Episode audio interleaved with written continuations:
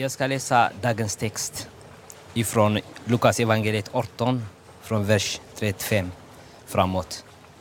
När Jesus närmade sig Jeriko satt en blind man vid vägen och tiggde. Han hörde folk gå förbi och frågade vad som stod på. Man talade om för honom att det var Jesus från Nasaret som gick förbi. Och då ropade han Jesus, Davids son, förbarma dig över mig. De som gick främst så åt honom att tigga. Men han ropade bara ännu mer. Davids son, förbarma dig över mig. Jesus stannade och, be och befallde att mannen skulle ledas fram till honom. När han kom frågade Jesus, vad vill du att jag ska göra för dig? Han svarade, Herre, gör så att jag kan se. Jesus sa till honom, du får din syn, din tro har frälst dig. Genast kunde han se och han följde Jesus och prisade Gud. Och allt folk, folket som såg det prisade Gud. Fantastiskt. Tack så mycket Sirak Mirese och välkommen till samtalet. Charlie Andersson också och Gabriella Grönberg. Vi har ju fått höra Guds ord, en evangelietext i den här en av våra senaste, sista sommargudstjänster. Och den handlar om hur Jesus möter en människa på en unik plats, Jeriko. En av världens äldsta städer, en plats där Gud gjorde stora under i Bibelns historia. Det var här Josua gick över Jordan, man intog Jeriko, murarna rasade. Här finns den berömda Elisakällan. Det var också en plats som låg liksom öster om Jerusalem, ner i dalen. Så när man var pilgrim och gick och skulle till Jerusalem så, så var det ofta via Jeriko man, man liksom tog vägen förbi. Och den här händelsen är ju just strax utanför Jeriko vad det verkar. Där går många förbi som antingen har varit i Jerusalem eller är på väg till Jerusalem. Och så kommer Jesus på vägen förbi. Ja, men vad, tänkte, vad tänkte du själv Sirak när du läste den här texten? Vad, vad gör den med dig när du läser om händelsen vid Jerikos väg? Alltså jag tänker det här äh, mötet mellan Jesus och den här blinde mannen. Vilken fantastisk, mitt på gatan, Jesus mötte en blind man. Det där är någonting som jag tänker att, som jag känner att väldigt berörd av det. Det mötet är väldigt viktigt för, Ja. som jag har fått från texten. Charlie, vad tänkte du när du läste den här bibeltexten? the thing that jumped out at me was th- this guy is sitting there blind and he asks who, what's going on what's happening there's probably a crowd of people around jesus and somebody says it's jesus of nazareth but what's interesting is that he calls out to jesus son of david mm. which means that this guy was probably jewish he probably knew what the scriptures said what the what the prophets of old had prophesied about the coming of the messiah Exakt. and as the son of David. And so he actually saw Jesus, even though he's blind, he can't see physically, but he saw something of an aspect of who Jesus really is, uh, and called out uh, called out to him in that way, son of Och, David. och då förstod han att han Ja. skulle kunna hjälpa mig. Ah, bra. Vad tänkte du Gabriella? Men jag, jag fastnar väldigt mycket på- kring den här texten kring hur när han ropar så är det folk i folkmassan som, säger, som tystar honom och säger liksom "Nej, men du behöver vara tyst, du är lite du stör eller du är i vägen. Liksom, att Jesus har inte tid för dig.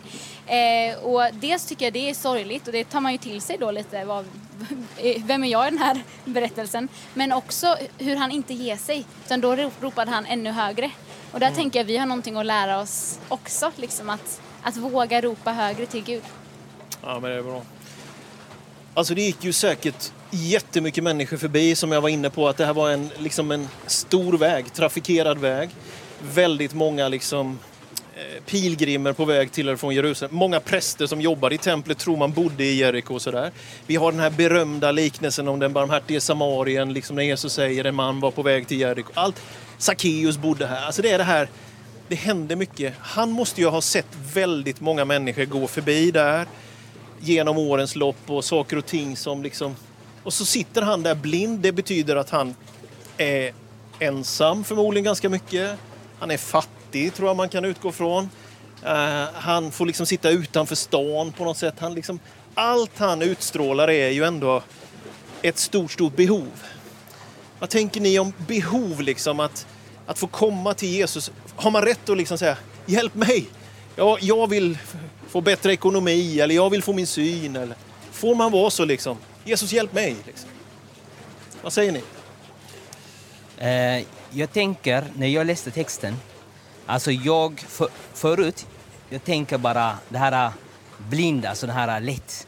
Alltså blind mannen som fick tillbaka sin syn.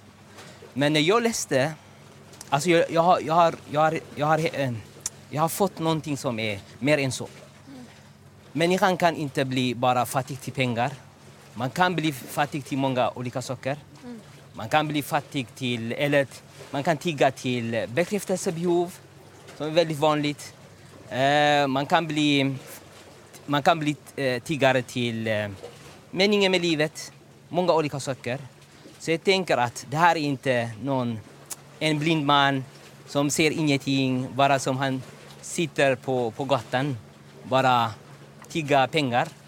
När vi säger att tiggeriet, man, man går tänka, alltså alla, alla tankar går till de som, eh, som sitter på gatan och mm. tiggar pengar. Men det här är någonting som är mer än så. Så vi får inte bara stanna på att det här är blind man som tigger bara mm. för pengar. Det är någonting helt, alltså jättestor typ grej. att vi alla kan identifiera oss Ja. med den här mannen. Exakt. Han har Och- behov. liksom. Och just det här också att det kan vara både fysiska behov, eh, men som du sa, liksom så många andra, jag tänker själsliga behov och andliga behov också. Att det finns så många olika behov vi kan ha. Verkligen. Ja. Exakt, precis. Men Charlie, vad tänker du då när, det, när vi hörde texten så står det ju att de andra försökte tysta honom. Han hade sina behov, vi har våra behov, vi kommer till Jesus och de omgivningen bara no, no, no, no. Stör inte, tyst med dig. Yeah, that, that, that part really touched me because, you know, sometimes people say, well, you know, I went to church one time and, and people pushed me away. You know, Uh. sometimes I see that like a religious thing where, where this guy's crying out to Jesus for help and suddenly they're like, be quiet, be quiet. You're, you're interrupting the sermon. Uh. You're stopping, we can't hear what the master's saying. Be quiet. And sometimes that happens to people, but you can't let people get in the way. You have to press through, push through the crowds, Uh. and still call out on Jesus. He wasn't going to let that stop him, and he called out even more until Jesus came to him. And what mm. I like is like I see these train stations in India and uh-huh. how they're shoulder to shoulder. And that's how I pictured Jesus mm. was. He was mm. crowded with people. There- Oh. Even if you could see, it would be very tough to get to him. And so, him being blind, he had no chance to get there. But Jesus stops and says, Make a way and bring him to me after he called upon him. So, even though we may not find a way to get to him, he's just one short call out to him, Amen. and he will, he will find Amen. us. Men det är ju ändå en liksom... Alltså, vi får aldrig ge upp, men det är ändå en allvarsutmaning. Du är ju pastor och kyrkan. Finns det en risk att kyrkan beter sig så? Nej, nej, inte dina behov, inte du, inte, inte just nu, det passar inte nu. Eller? Precis. Nej, men det är klart att det, det är ju en väldigt svår balansgång. Jag satt här och tänkte när du sa det där, liksom, man känner sig ödmjuk inför det som pastor, men jag tänker som kristen, liksom, att det här balansen att höra människors behov, att också tro att jag som kristen, jag kan vara med och, och hjälpa människor till Jesus. Jag kan vara med och leda den här blinda personen till Jesus. Eh, men jag tror också ibland att det, att det ibland är ordning också, att det finns liksom, finns det en kö? Är det så här, var det så att den här mannen skulle egentligen ha kunnat vänta lite innan Jesus kom? Liksom? Eller vad, det är jag tycker det är en svår balansgång. Ja. Vad tänker du själv där? Nej, men jag tycker att det här är, precis som du säger så känner man, det är någonting religiöst, det är någonting stö- det ska vara finpolerat. Liksom. Ja, men just nu kanske någon av oss eller någon som tar del av den här gudstjänsten inte alls tänker på Jesus utan tänker liksom, ah, hur ska jag betala min räkning på måndag eller hur, hur ska jag fixa det här på jobbet eller och det är det som är ens liksom, det ligger överst. Och då tänker jag att det ändå är superviktigt att kyrkan, vi, kan, vi måste på något sätt ändå kämpa för och vara generösa och inse att människor har alltid behov av Jesus, men de är ju i form av fysiska, själsliga, andliga behov. Så nej, nej, jag tror man får bara leva med den, ja, men med den bara allvarliga utmaningen. Vi, gode Gud, hjälp Pingstkyrkan i Västerås så vi inte håller människors behov nere eller borta utan att de får komma till Jesus.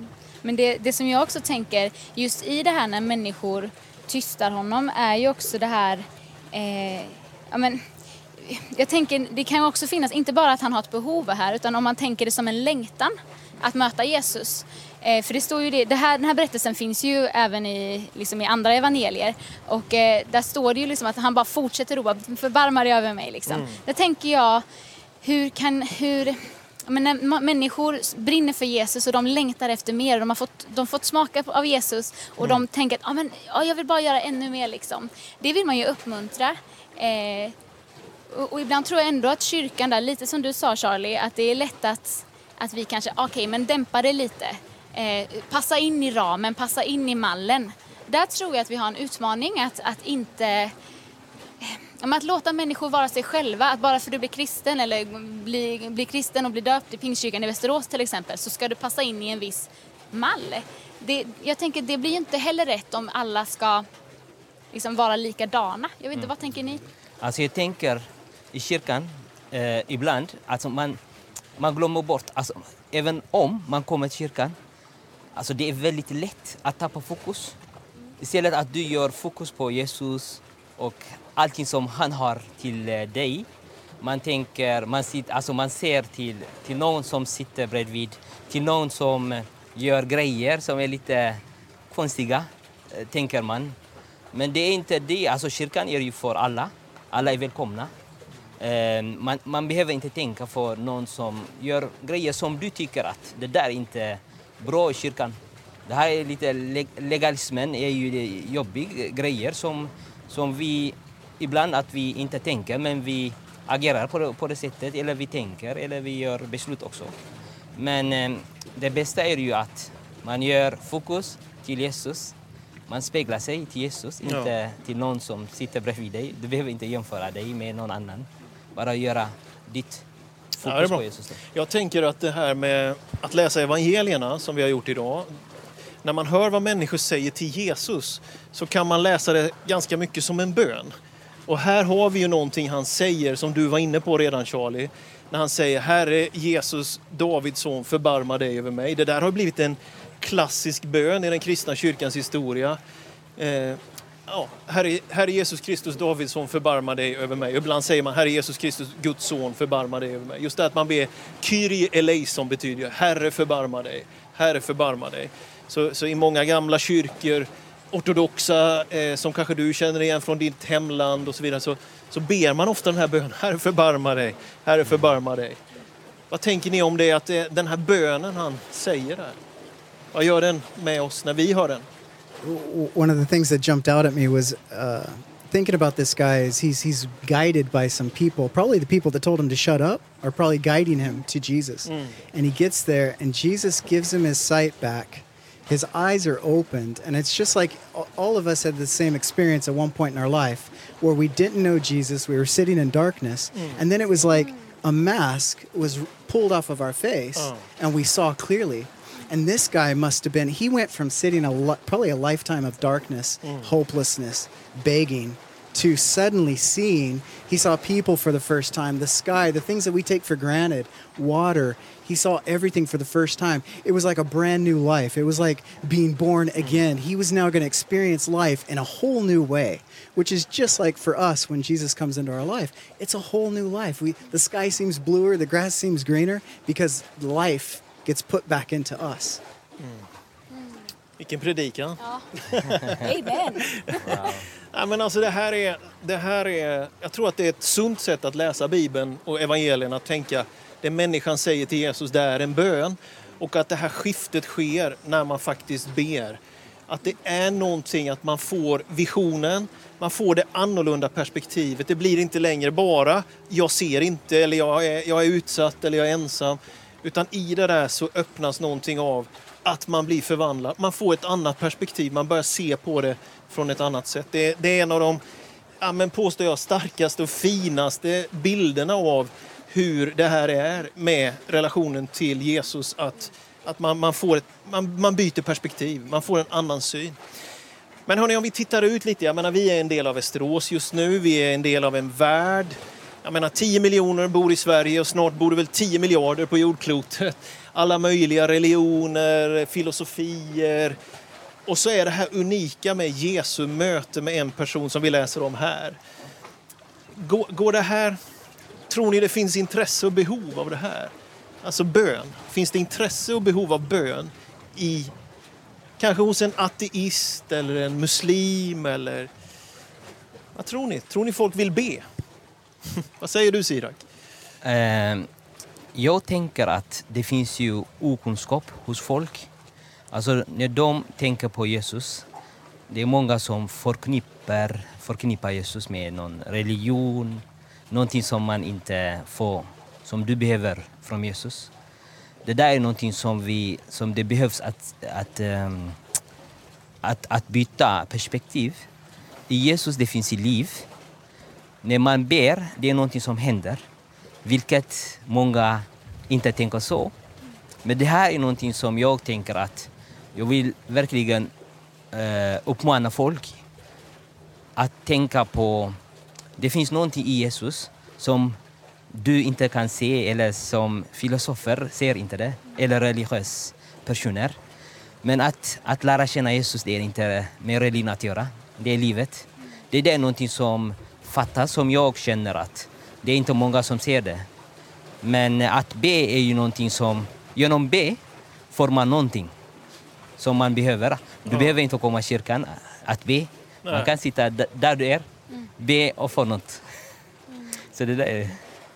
Och det, det jag tänker, som, som du frågade här med om folk ens är intresserade av Jesus, liksom, då tänker jag, men jag, jag kommer till frågan här som Jesus själv säger till honom. Vi tänker det är ganska uppenbart vad den här mannen vill. Han säger Jesus Davidsson förbarma dig över mig. Ändå ställer Jesus frågan, vad vill du att jag ska göra för dig? Mm. Och man tänker, det vet vi alla. Liksom. Men Jesus ställer ändå den frågan. Och där tänker jag att kanske att eh, att jag som troende när jag, när jag tänker på vad människor letar efter så kanske det inte alltid är exakt det jag tänker mig. Eh, och kanske är det att folk längtar efter någonting och, och de kanske inte vet att det är Gud. Eller så här, och den här frågan som Jesus ställer tror jag visar på en sån personlig Gud, en personlig tro. Eh, där, där, liksom, där Jesus ser vad vi verkligen behöver men han låter det ta den tid det behöver. Ja. Alltså han liksom ställer oss frågan, vad Sirak vill du att jag Just gör för det. dig? Att Jesus är personlig med varje Just människa. Och där, eh, där tror jag verkligen att människor, det, det är det som är så speciellt och unikt med vår Gud. Absolut, och jag tänker att ja, men han ber om syn, han ber om helande. Vi har behov då, någonting. Men det han får är ju syn och frälsning kan man säga. Alltså han får lära känna Jesus, han börjar följa Jesus. När undret är ett faktum så, eh, så, så, så, går han med. Liksom. Han prisar Gud och vi går ner för liksom, landning. I texten så ser man det där så tydligt att han, han ber om helande och han kommer i rörelse, han blir frälst. Så att, jag tänker det att ja, men, om någon tar del av den här gudstjänsten, vem, du än, vem den människan är, så kan den ju be till Gud. För exakt det du, om det är din ekonomi, relationer, din hälsa, be om vad du behöver. Men, men var också öppen för att han kommer liksom vilja gå med dig och vandra med dig och ge dig en tro, ge dig en frälsning. För eller hur, det är ju det som händer mot slutet i texten. De börjar prisa Gud och han hänger på liksom. Ja, Kommer det, i rörelse. Han följer Jesus. Ja. Det är ju inte bara det att Jesus tänker att nu helar jag dig och sen går vi vidare utan han säger följ mig. Alltså det, det ger en förändring i hans liv. Och det är ju också någonting som är häftigt att, Gud, att Jesus tänker en framtid för den personen. Det är inte bara ett helande här och nu utan en livsförvandling. Det är häftigt. Ja, väldigt, väldigt bra. Hörni, superstort tack för ett samtal om hur Jesus mötte en blind man vid Jerikos väg. Jesus går aldrig förbi. Tack så jättemycket Gabriella, Sirak och Charlie. Men Charlie, du ska få landa in det här samtalet med att skicka med en hälsning till våra gudstjänstdeltagare. Varsågod Charlie. You know, as we saw Jesus touching this man who was blind, Jesus was was he was reconciling the world back to the Father. God is a loving Father, and the only way we know him as a loving father is through the son. And if you look a few days from this uh, story, a few days from this happening, this blind man seeing, Jesus was on the cross. And the Father was calling out through the cross, and he was saying to all the world, I love you. I know who you are. Your lives have great potential.